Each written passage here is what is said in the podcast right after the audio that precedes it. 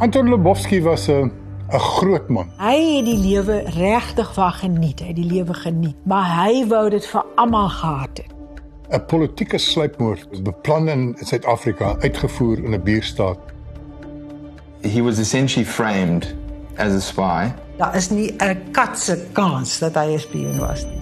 Die BSB was 'n klomp bloeddorstige cowboys. Die sluipmoord op Anton Lubowski maak geen sin in enigiemand se taal nie. Voor sy tyd en in die hart van die stryd het Anton Lubowski se moed hom teruggebyt. Hiermee huisgenoot redakteur Ivan Beyers. Anton Lubowski was maar 37 jaar oud toe hy in 1989 voor sy huis in Windhoek geskied is in 'n sluipmoordaanval. Hy was 'n advokaat en 'n anti-apartheid aktivis en sy naam is vir ewig in die geskiedenisboeke oor daardie verskriklike tyd hier aan die suidpunt van Afrika. Maar hy was ook die pa van twee jong kinders. Ek het sy kinders jare later heeltemal toevallig ontmoet en ek onthou ek het gedink hoe bitter dit is, hoe verskriklik dit is dat hulle pa van hulle weggeruk is weens die woede en geweld van 'n politieke bestel. Ons onthou Anton se naam vandag wanneer ons terugdink aan daardie hoofstuk in Suid-Afrika se geskiedenis, maar sy dood bly vir sy naastes en vir baie mense 'n seer raaisel. Want die man wat hom skuldig gemaak het aan hierdie moord, het nooit geboet vir sy dade nie en ons weet tot vandag nie hoekom dit gebeur het en wat die beweegredes daar agter was nie. Anton Lubowski en sy suster Jolene Du Plessis is oopkop en onafhanklik grootgemaak. Hulle ouers se politieke bewustheid het 'n besliste rol in Anton se toekomstige werk en aktivisme gespeel. Ek is Anton Lubowski se oudste suster, Jolene Du Plessis. Ons het groot geword in Loederitz, maar hy was die kroonprins. Hy het teruggehou, hy was stil eintlik. Eintlik sou ek sê baie sensitiewe kind gewees. Dit was nie asof hy hierdie harde, outgoing tipe van mens was nie. En dit het dwars deur sy lewe dat hierdie sensitiwiteit was altyd daar gewees. Ons is groot gemaak om vir onsself te dink en nie saam met die massas te gaan nie. Ons moes vrae gevra het en ons het in 'n politieke oppositieparty huis groot geword. So ons het bevraagteken en ons ouers het altyd vir ons gesê, jy weet, moenie alles glo wat jy hoor in die skool en in die koerante en wat ook al nie. Toe hy in hoërskool was, het hy begin besef hy is anders as ander mense. Hy dink anders as ander mense en hy het dit hom net sterker gemaak. Hy ontpop as 'n leier en as iemand wat sy sê sê Toe hy studeer eers in Stellenbosch, eers BEcon geswat en toe hy besluit dis nie wat hy wil doen nie en hy toe regte begin swat. Toe het hy begin betrokke raak by studentepolitiek en hy was nie baie gewild nie want hy was die sogenaamde verligtes. Hy het nie baie goed afgegaan in Stellenbosch nie. En toe het hy sy LLB op Aatjies gedoen en dit is waar hulle hom begin intrek het meer aktief in politiek. Hulle het saam groot geword, saam gestudeer en uiteindelik getrou. Anton het van jongs af geweet dat Gabriel Lubowski die een vir hom was. So my naam is Gabriele Lubowski of Gabriel of baie mense sê ook Gabi vir my. Ek was getroud met Anton 13 jaar. Anton en ek het mekaar geken van kleins af in dieselfde dorpie groot, selfde dorpie gebore. Ehm um, maar toe hy Suid-Afrika toe is, 'n uh, skool toe en ek ook, het ons mekaar weer raakgeloop op universiteit. Hy het besluit ek is die een. Hy het tipe van 'n energie in my lewe gebring wat ek nie geken het nie. Ons het toe uiteindelik getrou in 1976 en uh, 78 is ons eerste kind gebore en 1980 ons dogter. Joernalis en persoonlike vriend van Anton, Max de Pre, onthou hom vir sy kenmerkende sin vir geregtigheid en die revolusionêr wat hy was. Anton Lubowski was 'n 'n groot man, fisiek groot, maar ook in sy persoonlikheid. Ek het Anton nie geken omdat hy politikus was nie. Maar ons was sosiale vriende, ons was persoonlike vriende. Hy was nie jou tipiese revolutionary nie. Hy het vreeslik gehou van 'n goeie syhemp en 'n snyierspak en 'n ordentlike Italiaanse skoene en hy het aandag gegee aan sy aan sy voorkoms. En hy hy was verskriklik goeie geselskap, hy was 'n intelligente man. Wat my altyd van hom getref het was dat hy uit 'n verskriklike diep sin van geregtigheid gehad. Hy het omgegee vir mense en hierdie geweldige sin van regverdigheid, van justice was in ons ingepomp omtrent en hy het dit uitgeleef 100%, jy weet in, in sy hele lewe. Hy was 'n dierbare man. Mense het aan hom gedink as 'n politikus. Ek het die ander sy van hom gesien. Ek het die sy van hom gesien wat praat oor die toekoms, oor sy kinders se toekoms in Namibië en sy mense. Wat gaan die toekoms wees en sy rol om daai toekoms te maak werk? En dis nie 'n kant van 'n politikus wat mens baie sien nie. Hy regtig was 'n hy was 'n softie. Na sy studies het Anton teruggekeer na Namibië toe waar hy as liaseringsklerk 'n internskap by 'n regsfirma gedoen het. Anton is in 1980 toegelaat tot die Bali en is onmiddellik by die diepkant ingegooi toe hy politieke gevangenes moes verdedig. Hy moes toe na die gevangenisse toe om uh, vir sy hofsaake met die mense te praat. En hy besef toe maar die mense is mos nie kriminele nie, hulle het niks verkeerd gedoen. Hulle het net van Osee teruggekom waar hulle studeer het. Hulle was nou in die regswese, hulle was dokters, hulle was, jy weet, alle hande goed en hy het gedink, maar wat gaan hierso aan? Toe het hy besluit hy gaan 'n deel speel dat Namibië sy vryheid terugkry.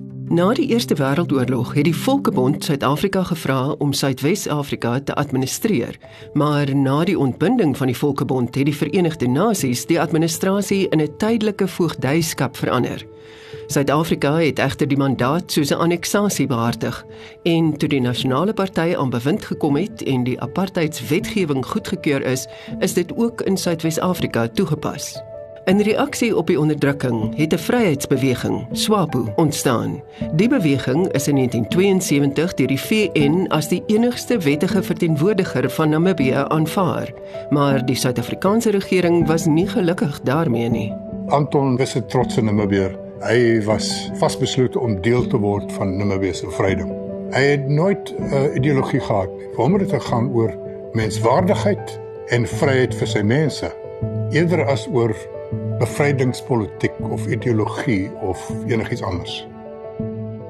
Hy het die lewe regtig van geniet. Hy het gedink 'n mens kan alles hê wat jy wil, wat jy kan reis, jy kan die kar koop wat jy wil hê, jy kan aantrek soos wat jy wil.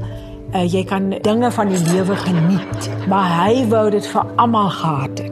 Uit 'n nostalgiese perspektief beklemtoon Anton se seun, Almo Lebowski, sy pa se fokus op regverdigheid en gelykheid. It wasn't about the sort of revolutionary communist type of approach. It was about having what you want to have in life and bringing other people to that level and give people the same opportunity in life. I think that was his main philosophy and that shone through. Hy het altyd twee dinge gesê. Hy het gesê ek kan nie dit uh, geniet nie as ek weet 'n ander persoon is deur die wet uh uh kan daai persoon nooit uh, uh, dit bereik nie. En die tweede wat hy altyd gesê, die rede hoekom ek dit doen, want ek weet nou wat aangaan. Dit is vir my gewys. En ek kan nie my twee kinders eendag in die oë kyk en sê ek het geweet daarvan, maar ek het niks daaromtrent gedoen nie. Hy was ook deel van 'n groep wat die dorpie Loedrits uh, mooi te maak en ek dink daar was een of ander prys wat die dorpie toe gekry het en toe het hulle die foreign minister of Frankryk, Chisson, het toe gekom en dit is eintlik Chisson wat toe vir Anton gesê het, het jy eintlik ooit vir Samuel Joma ontmoet? En hy het toe met hom gereël, ek dink dit was in 1984 wat hy toe ontmoet het oor see Dan het by Swapo aangesluit en Anton was ontsaglik gewild onder die swart mense in Namibië. Daar was 'n heldeverering in plekke soos Katatura, maar ook in die noorde van Namibië. En sy eie kamerade, Danny Chongerero hulle en Samuel Joma het 'n verskriklike sagte plek vir hom gehad. Wit Namibiërs was nie baie lief vir Anton nie. Ek was 'n hele paar keer saam met hom in die openbaar. Ek daar spesifiek een keer in Jacobmund wat ons gaan koffie drink het op 'n Saterdagoggend saam het mense op hom geskel en gevloek uh omdat hy by die bevrydingsbeweging aangesluit het. Maar terselfdertyd was daar 'n teesinnige respek vir hom. Hy was nie 'n ligsinnige man nie. Hy was 'n man met gravitas en mense het dit geweet. Ek het Anton ontsettend bewonder dat hy op sy eie die moed gehad het om openlik daaroor te praat en so 'n uh, oppressive system teengegaan het en vir ons as familie het dit uh, baie beïnvloed want sy lewe was die hele tyd in gevaar. Uh, die hele gemeenskap veral die jy weet die blanke gemeenskap het soort van teen ons gedraai en ons kinders moes deur baie dinge gaan op skool en ons was nie eintlik jy weet aanvaar in die gemeenskap. Nadia Lebowski, Anton se dogter, verduidelik hoe haar pa se politieke werk en aktivisme 'n moeilike en ongewone invloed op haar en haar broer se kinderlewens gehad het. We used to go and swim at the public pool. It was like one of our favorite outings in the afternoon and my mother dropped us off and we went to go swim and then I don't remember exactly, but there was other kids that were there and they saw us. My dad had, you know, made this announcement and they all knew we were probably from, you know, parents talking at home. And suddenly we were bullied, called names. We weren't really allowed to come into the pool. They didn't want us to swim near them.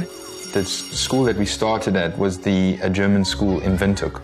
It, they were definitely not friendly towards the decision. Um, parents probably talked at home, but it was definitely mentioned by kids I think almost on a daily basis. And, and yeah, I had, had a fight at school trying to defend, you know, my dad. I do recall being punched, um, losing my glasses, which is always a fear that you have, especially when you're a kid. And I actually think I became very much supportive as a child already of my dad's choices and definitely could see some of the things that were wrong and was exposed to that more so than other kids. And I think I took it upon myself to explain some of the realities to other white children that I came in contact with. So I saw it as my own way of contributing to change and, and following in what my dad was doing. Vir my was hy my broer gewees. Hy was een wat sy gevoel gevolg het. Ek het geweet hoekom hy eintlik by Swapo was nie oor die politiek noodwendig nie, maar omdat hy daardeur mense kon help. Die Swapo leiers in die vroeë 80s het 'n behoefte gehad aan iemand wat goed kon organiseer, wat die wet verstaan het, wat die reg verstaan het, maar wat ook 'n bietjie van 'n oop gesig kan gee aan Swapo. Want Swapo het daar gelei dat dit uh, 'n baie sterk Ovambo party was. En om so 'n dinamiese, karismatiese jong wit uit te kry, het hulle gepas. Ek dink meestal het hulle was hulle agter sy talente. Hy kon organiseer en hy het maklik met mense oor die weg gekom. Mense het baie van hom gehou. Dieselfde tyd is hy prokureur, so hy kan regsadvies gee So hy was vir hulle baie waardevol en dit is die plek waar Anton kon inkom. Want daar was 'n bietjie van 'n tekort aan talent in SAPO se leierskap in terme van praktiese regering. Hier kom jy, jy's 'n bevrydingsbeweging, jy kom uit die bos uit, jy het oorlog gemaak, maar jy het geen ervaring van regering nie. Jy het geen ervaring van die stelsel nie. En Anton het dit gehad. As lid van SWAPO is Anton minstens 6 keer in hegtenis geneem. I'd even recall actually going with him at one point at a rally with him before. Tear gas was thrown. Um, so I experienced tear gas when I was about eight years old already. I remember him getting picked up from our house once. Yeah. And he was taken, he was put, like, you know, when somebody's head gets like forced down like that to fit into the van. Mm. And I remember that very clearly. Yeah, that was um, at the house. Ons het in die in die huis gesit en televisie gekyk. En toe was daar klop aan die deur en toe was daar drie mans. Hulle was gewoon aangetrek met shorts en T-shirts. En toe hulle toe hulle inkom, toe vind ons uit hulle is security police. En toe loop hulle deur die huis en wil allerhande goed sien en toe vat hulle hom saam vir 6 weke. Someone could get arrested and detained for 180 days without trial. Literally that was the law. So niemand kon vir hom sien, niemand het geweet waar hy is nie. Hy kon nie 'n prokureur kry nie en ek kan onthou dit was 'n verskriklike tyd gewees, ja. In 1988 het Gabby en Anton besluit om hulle huwelik te beëindig. Gabby het met die kinders na Kaapstad verhuis terwyl Anton in Windhoek agtergebly het. Hulle is vroeg in 1989 amptelik geskei. Hy was die meeste tyd uit en he was fighting the big struggle en uh, ons het nie eintlik geweet hoe bou 'n mens eintlik 'n verhouding op? Wat is die twee mense wat in 'n huwelik is? Wat moet hulle eintlik doen? Gabi was 'n teruggetrokke mens eintlik en Anton het um, Hy was baie lief vir haar gewees. Ek meen dit was dit was baie spesiaal om hulle te sien en hulle het so baie gedeel en sy was 100% altyd sy ondersteuning en en vir hom daar gewees. Maar ehm um, Anton het 'n het 'n roving eye gehad. Hy vrouens het van hom gehou en hy het van vrouens gehou en ek dink nie Gabi het 'n maklike lewe gehad noodwendig in daai opsig nie. As ek meer van myself gedink het, dan sou ek geveg het vir my huwelik. Dan sou ek gesê het ek staan by my man. Net soos hy swakhede het ek swakhede. Uh ek sou nie bedreig gevoel het nie. What I appreciate so much about my parents is that neither of them ever spoke badly about the other in front of us. It was very obvious for me that my mom and dad still had a very good relationship. They were going through stuff and they were fighting, but you know, they were still friends. We then also went back to visit my dad in June, July school holidays, which was a great holiday. En toe hulle terugkom, toe is hulle in snot en trane. Pappa is so ongelukkig, ons moet teruggaan, ons moet teruggaan Windhoek toe. En toe ek so 3 dae met myself geveg en toe belle kom en toe sê ek luister, ons kom weer terug. Die laaste keer wat ek hom gesien het, kan ek onthou hulle was toe geskei en ehm um, ek het in sy kamer ingekom uh, daai oggend en hy het die gordyn so oopgetrek en gesê jy gehoor Gabi en die kinders kom terug Windhoek toe. En sy hele gesig het net gestraal. Die gesinslewe was vir hom verskriklik belangrik. Ehm um, hy het dit nie altyd onthou nie, maar Gabi en die kinders was vir hom verskriklik belangrik. Toe sou in September teruggevlieg het en uh, soos wat ek van uh, baie mense gehoor het Anton was was baie opgewonde het vir almal vertel vir hulle in die strate of in die huise of in die koffie shop het altyd gesê weet julle dat Gabi en die kinders terugkom? En ehm um, ja toe sy 10 dae voor ons teruggaan is hy toe toe, toe geskiet ja Op die aand van 12 September 1989 is Anton Lebowski se liggaam in 'n plas bloed op die sypaadjie voor sy huis gevind. Daai dag was 'n gewone dag. Ons het ehm um, kinders van die skool gehaal en ek dink die kinders het swem gehad. Toe kom ons huis toe, ons geëet, hulle het skoolwerk gedoen en dit was so 20 voor 9 toe die telefoon uh, lei en toe vertel iemand vir my dat hy geskiet is.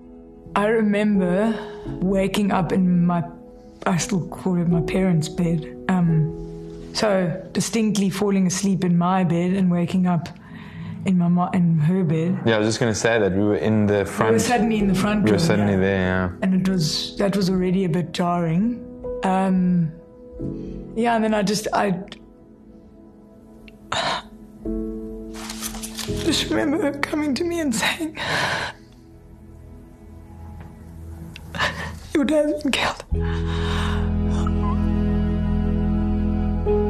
As ek dink aan die dag toe ek uh, ons het in Pretoria gebly toe Anton vermoor is en ehm um, ek het toe onmiddellik gevlieg Kaap toe my pa het my op die lughawe gekry.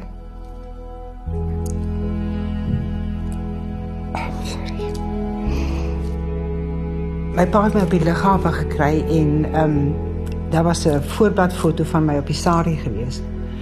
En dit was opgeblaas in die jy weet in die ontvangslokaal en hy staan met 'n koerant met 'n foto van my broer in 'n polisiesak. En hy het net so gekyk en gesê hoe kan dit wees? Weet, my een kind lyk so gelukkig en my ander kind is dood. Ek het die vroegoggend die oproep gekry en my bloed het gekook. Ek was die redakteur van Vry Weekblad en ek onthou nog daar vroegoggend sit ek daar en ek kan nie my kop omkry dat hierdie man nou in 'n lijkhuis lê nie. En Namibië was dit 'n groot skok. Dit was 'n skok vir die internasionale gemeenskap, vir die Verenigde Nasies met wie hy nou saamgewerk het, met die Duitse regering met wie hy baie goeie bande gehad het. Dit was 'n skokkende ding. Dit was 'n skokkende ding. 'n Politieke sluipmoord beplan in Suid-Afrika, uitgevoer in 'n buurstaat op 'n man wat nog nooit 'n geweer in sy lewe gedra het nie. Dit was skokkend. Dit was skokkend. Op 12 September 1989 het Anton kort na 8:00 die aand na sy huis in Windhoek teruggekeer. Buite sy hek is hy 7 keer met 'n AK-47 aanvalsgeweer geskiet. Hy is ook een keer in die kop geskiet. Die skoot met 'n geweer van ander kaliber. 'n Buurvrou het aan die polisie gesê dat 'n gas wat in haar gastehuis gebly het, kort voor die moord die gastehuis met 'n sak oor sy skouer verlaat het en dat hy kort na die moord weer teruggekeer het. Die gas se naam was Donald Atchison, 'n Ierse soldaat. Atchison is 'n dag na die moord in hegtenis geneem, maar hy het aangevoer dat hy in Namibië was om werk te soek as 'n spotprentkunstenaar. Hy het later wel erken dat hy gewerf is deur die omstrede burgerlike samewerkingsburo, oftewel die BSB. Al die omstandigheidsgetuienis sê hy het vir die BSB gewerk. Hy was daar, hy het in Anton belangstel. Hy het net voor die moord met 'n geweersak oor sy oor sy skouer by, by die gastehuis uitgeloop en toe dan net na die moord teruggekom en hy was 'n uur, hy was 'n 'n huursoldaat. Op 31 Oktober is Ferdi Barnard ook in hegtenis geneem in verband met die moord op Anton, asook vir die moord op David Webster. Die BSB het 'n vergadering gehou op die tweede vloer van die van 'n hotel in Rosebank in Johannesburg waar hulle besluit het hy moet geteken word en hulle het toe besluit om Ferdi Barnard te stuur om sy bewegings te monitor en aantekeninge te maak van waar hy is en hoe hy loop en wat wanneer is die beste tyd om hom te kry. Dit weet ons vir 'n feit. Anton is aan die begin van Oktober in Katatura in 'n ongemerkte graf begrawe. Graf 6968. As an adult, I found out there was apparently multiple memorial services, but in the one that we attended, it was just this like ocean of people. It was just this huge amount of people, and then when when he was buried, because we chose to bury him at Karatura, everyone was allowed to throw like a, a, handful of sand into the grave. And I remember standing there and just thinking it's it's a bigger thing than just having lost my dad. And then realizing how many people were impacted by this. Um, and it was only when I was about 21 that I had a what one would probably call quite an emotional breakdown because it was the first time that I actually mourned that I lost my father. Um, and what impact losing losing him as a father was. Een van die mees walglike oomblikke in die Suid-Afrikaanse politiek was toe Magnus Malan in die parlement opstaan en hy sê hy was een van ons en hy het vir die weermag gewerk.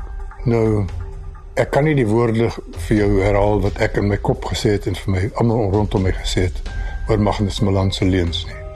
Wat ek wel gedoen het, is ons het gaan bewys dit is nie waar nie. Dit was een van die laagste goed wat die Suid-Afrikaanse politikus nog gedoen het, is om Anton Lubowski se nagedagtenis so te bevlek met so blaatante leuen en nie te dink aan sy kinders en sy familie en sy ouers nie. Ek kan baie spesifiek onthou dat ons die die Sondag kerk toe gery het en ons het so teen 'n bult afgekom en daar was hierdie groot plakate Lubowski wel 'n spioen. En ek het net gesê, "Wel, ek sal nie my spesifieke woorde gebruik nie, maar ag, dis twak. Dis absoluut nonsens." Toe Magnus Malan dit gesê het in die parlement, was dit toevallig die eerste dag gewees wat dit wat daar televisiekameras was in die parlement. En dit het hy toe gesê het in daai stadium net om die hele volk te laat sê, het my dat besef daar's 'n speletjie. Ehm um, hierdie ding is net ek as as 'n mens vir Anton geken het, ek weet daar is nie 'n kat se kans dat hy 'n spioen was nie. Ek meen dit is dit was so ver gesog. Dit was 'n leuen. Dit was 'n blaatante leuen. Die Harmskommissie is op 1 Mei 1990 begin om ondersoek in te stel na die beweerde militêre moordbendes soos die BSB.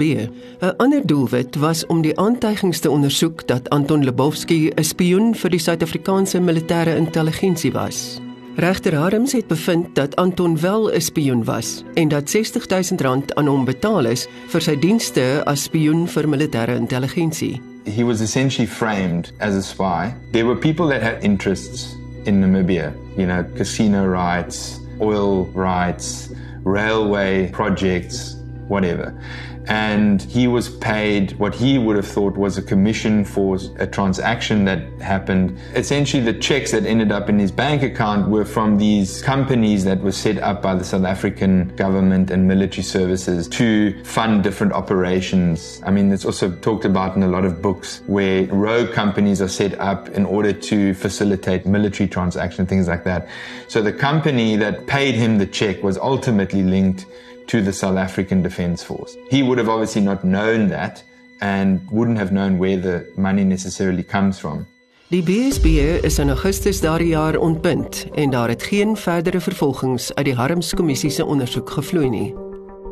Ek is jammer om te sê is regter Harms nog leef. Maar liewe genade regter, jy het dan droog gemaak. Hy het daar gesit en ek weet nie of hy verdof is deur sy verbintenis met die apartheid regering en of hy net nie oor sy hart kon kry om die waarheid te sien nie. Maar regter Harms het min of meer gesê, nee, daar is nie sulke goed soos politiek gemotiveerde sluipmoorde en aanrandings en martelings nie. I mean, daar sit ek wat hierdie sluipmoorde en martelings en ontvoerings ontbloot het oor jare en hier kom 'n regter en hy sê daar is nie iets soos buite regtelike sluipmoorde en goed Dit is die mees absurde kommissie. In Mei 1990 is die aanklag van moord teen Atchison teruggetrek weens onvoldoende bewyse.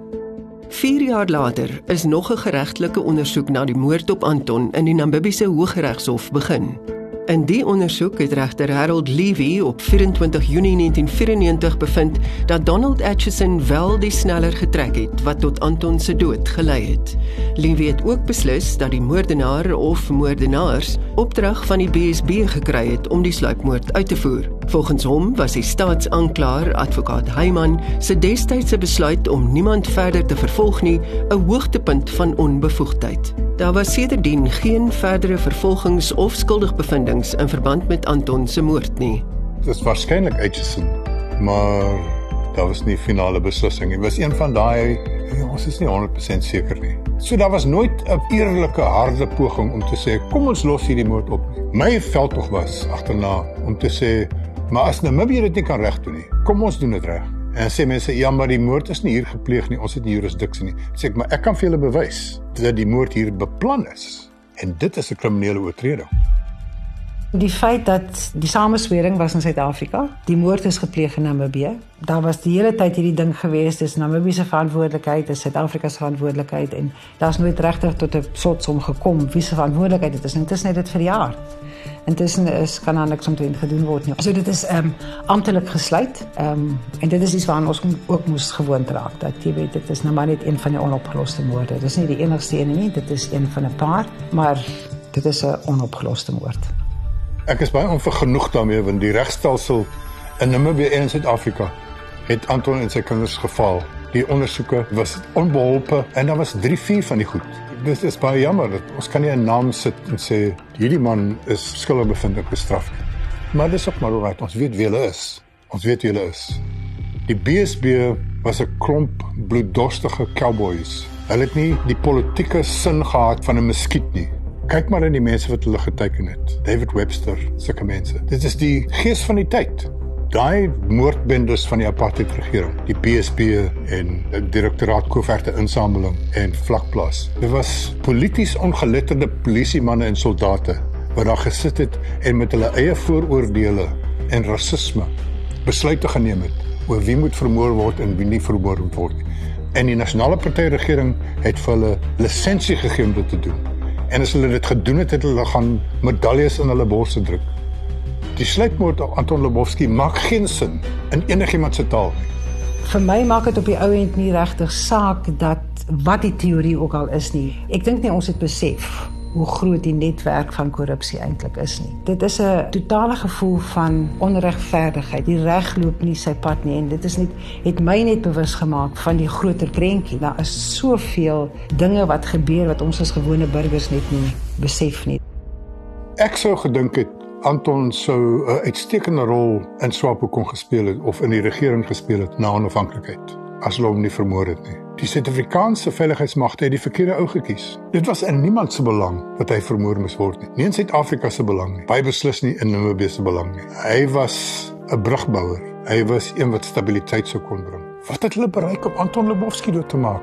Niks. Hulle daar gesit met hulle kleinlike apartheid koppies en gesê ons hou nie van hierdie ou Hy's wit en hy's Afrikaans en hy was op Stellenbosch en op Paulroos en hy het rugby gespeel en nou is hy hierdie swapo nie. Kom ons maak hom dood nie. Dis die waansin wat aangegaan het in die 80s. Die waansin van die 80s. Daar was 'n poging ook met die waarheidskommissie om Anton se eer te herstel na die Magnus Malan uitlatings. At the end of the day not much came from the Truth and Reconciliation Commission in terms of my dad's matter. It probably, from an emotional perspective, helped my grandparents in some way that they got to share their story there. But from our perspective, it didn't really make much of a difference. Dit het nie eintlik ergens heen gelei nie. Dit was nie ek dink dit was hoofsaaklik om sy naam ehm um, in ere te herstel en dan om die kinders te help finansiëel. Ehm um, waarvan niks gebeur het nie. Ek mis hom as 'n gespreksgenoot en ek mis net daai ondersteuning wat hy altyd vir my was. Ek mis daai broer wat ek gehad het. One carries a loss throughout one's whole life and a big loss. Um and just another thing that I've realized and you know on the on the flip side of sadness is anger. I've lost the support of an actual father and a somewhat of a safety net generally. And I've had to carry being the responsible one for so long that I, in a lot of ways I haven't even lived my own life. Because I've just felt responsible for my mother, I've felt responsible for my sister. I've had to be responsible since I was 11 years old, and I haven't properly lived my life. Wat ek van hom onthou is dat hy altyd gedink het enige iets is moontlik, dat hy hierdie enorme energie gehad het dat die lewe met hom vreeslik exciting was. Ek het eintlik nog niemand voor die tyd en niemand na die tyd ontmoet wat soveel lewe in hom gehad het en so opgewonde oor die lewe het en dit voluit geniet het. He was so big and he was so comforting and just yeah, larger than life. Mense moet hom onthou as iemand wat die waarheid gesoek het en die waarheid nagestreef het en wat daar was vir regverdigheid en sy liefde oor alle grense heen vir mense. En hy het mense gesien as mense, nie oor watter posisie hulle was nie. Dis dis wat wie hy was. Anton was 'n bietjie van 'n simbool iemand wat deurgebreek het deur die apartheid mindset wat weggebreek het van die idee van ons is 'n klomp Afrikaners ons moet saam staan al al doen ons verkeerde goed. En Anton was daai simbool. En sê maar jy kan 'n Afrikaner wees en jy kan wit wees maar jy kan deel wees van 'n groter gemeenskap. Jy kan 'n Afrikaan word. Want dis een ding wat Anton Lubowski was. Hy was 'n wit Afrikaan In die chaos van die verlede ekho sy nalatenskap vandag. Anton Lebowski, 'n held wat in die geskiedenis sal voortleef. Ek is Ruda Landman en dit was huisgenoot se ware lewensdramas.